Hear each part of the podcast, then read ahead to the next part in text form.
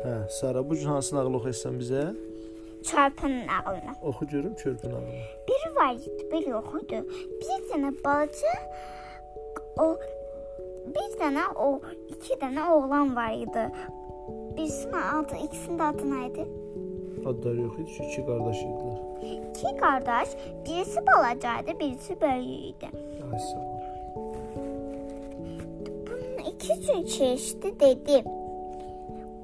İki gündən arasından arasında bir dava düşdü. Dedi, Üstülər. düşdülər. Dedi. Balaca dostu ç- şey elədi, quyu tikdi. Hə. O bir-birinə gedib gələ bilməsinlər. Onlar bir-birindən ge- gedib gələ bilməsinlər. Sonra bir usta gəldi. Bir usta gəldi dedi. "Bu- Burada işlər kırış-kırış işlər var. O da dedi, Necə işlər? kırış-kırış, Hə, xırda xırış. xırda-xırış işlər var. O da deyib, hə. Bir dənə say iş verəcəm. Dedilər ki, bizim fermamızın arasında bir dənə difar yaransın. Difar eləyirlər ki, mən onun fermasını görməyim. Ay sağ ol.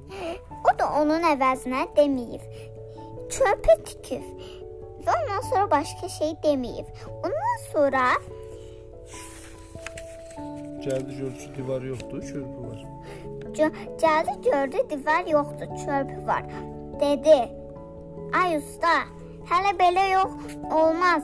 Ay usta, mən istəm istəmişdim ki, şeyliyim. Mən mən difar tikdirərdin. Mən niyə çöp tikdirdin?" O dedi: "Hələ işlərim çoxdur." Hə, onlar da qardaşı ilə barışdılar. Onlar da qardaşı ilə barışdı. Ondan sonra dedi: "Sən mən tərəfə gəl, mən sən tərəf gələcəm.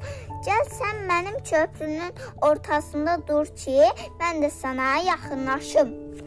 O da o da gəlib əllərini aç-aç elə gəlib ki, da dostunu özləyir. Ondan sonra Qardaşlar barışdı. ondan sonra qardaşlar barışdı və yaşadılar. Mutlu günlər. Sağ ol, sağ ol.